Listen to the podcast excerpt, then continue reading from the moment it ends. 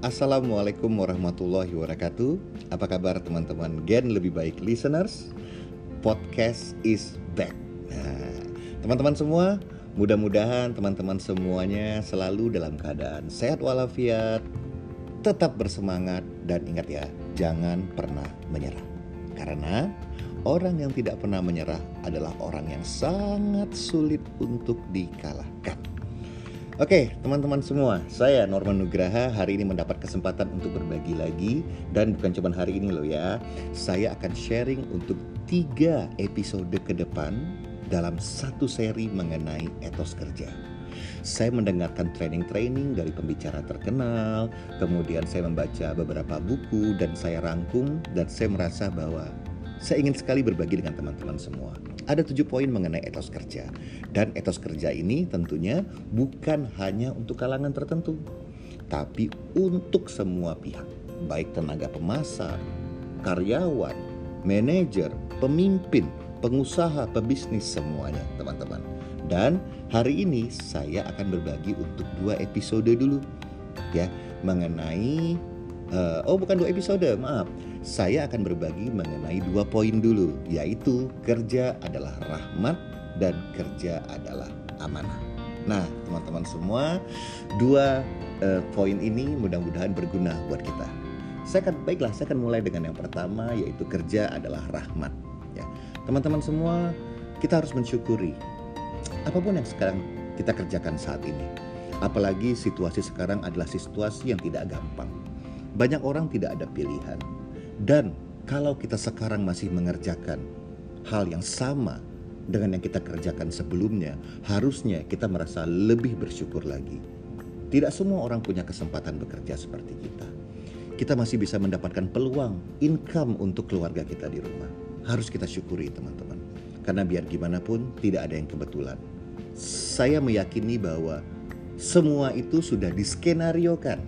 Dan kalaupun kita mendapatkan apa yang kita kerjakan hari ini berarti itu adalah sebuah rahmat yang luar biasa. Alhamdulillah teman-teman. Teman-teman, beberapa kali saya mendengarkan keluhan ya dari teman-teman saya, dari kolega-kolega saya.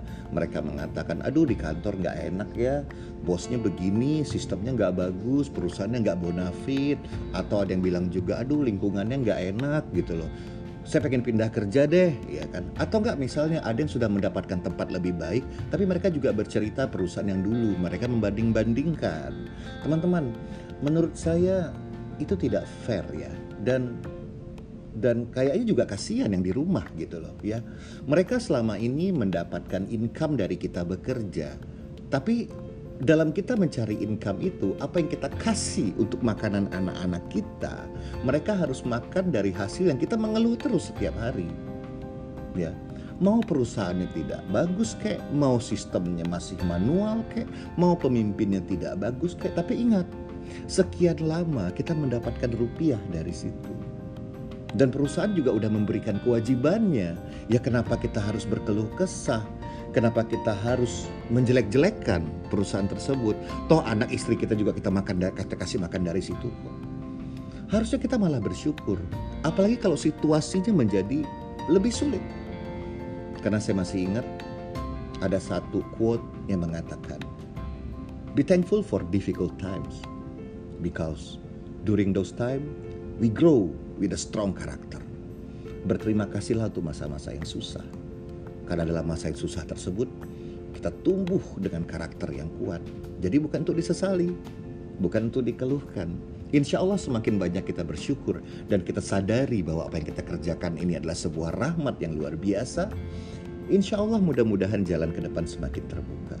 Karena ingat loh teman-teman, ya semakin menantang yang kita kerjakan, insya Allah hasilnya menjadi semakin besar. Kenapa pekerjaan itu sulit? Karena janjinya masa depan. Kalau segala sesuatu yang lebih mudah, ya mungkin janjinya bukan masa depan. Mungkin hanya mendapatkan souvenir cantik atau apalah seperti itu. Karena kita harus percaya bahwa tidak ada lift mencapai masa depan. Semuanya harus naik tangga. Dan untuk kita kuat, diberikan selalu kekuatan dan energi, maka kita harus sadar bahwa kerja adalah rahmat. So, kita harus mensyukuri hal tersebut. Itulah teman-teman, poin yang pertama, kerja adalah rahmat. Nah, kita masuk ke poin kedua. Poin kedua adalah kerja adalah amanah. Teman-teman, pada saat kita keluar rumah, kita menuju tempat kerja kita atau tempat kita beraktivitas. Orang di rumah yang kita sayangi, orang di rumah yang kita cintai, itu akan selalu mendoakan kita. Mereka berharap bahwa bapaknya, bahwa ibunya bisa membawa pulang rezeki yang halal. Mereka mendoakan agar jalan kita dilancarkan. Mereka mendoakan agar kita diberi kesehatan. Mereka mendoakan agar kita bisa berkarya. Tapi sayangnya, ternyata kita sering lupa. Kita lebih banyak nongkrongnya di luar mungkin. Lebih banyak mengeluhnya di luar. Lebih banyak gibahnya. Lebih banyak gosipnya. Sementara yang di rumah tidak henti-hentinya berdoa buat kita. Teman-teman ingat, mereka-mereka yang di rumah lah yang sesungguhnya memberikan amanah kepada kita. Untuk kita bekerja dengan lebih baik, untuk kita bekerja dengan lebih semangat gitu loh. Tapi ternyata begitu sampai di tempat kerja, ketemu teman-teman, hilang semuanya. Jadi lupa semuanya. Belum lagi teman-teman, atasan kita yang memberikan amanah. Apa pun yang diamanahkan oleh atasan kita, kerjakan dengan baik. Kerjakan dengan maksimal Jangan pernah hitung-hitungan. Bekerjalah lebih banyak daripada yang kita dibayar saat ini. Karena satu ketika kita akan dibayar lebih banyak dari apa yang kita kerjakan. Seperti itu, karma juga berlaku. Kerja itu adalah amanah. Banyak orang mengamanahkan kepada kita untuk mendapatkan hasil yang optimal, teman-teman. Ingat, ingat ya. Tidak semua lingkungan itu mungkin sehat.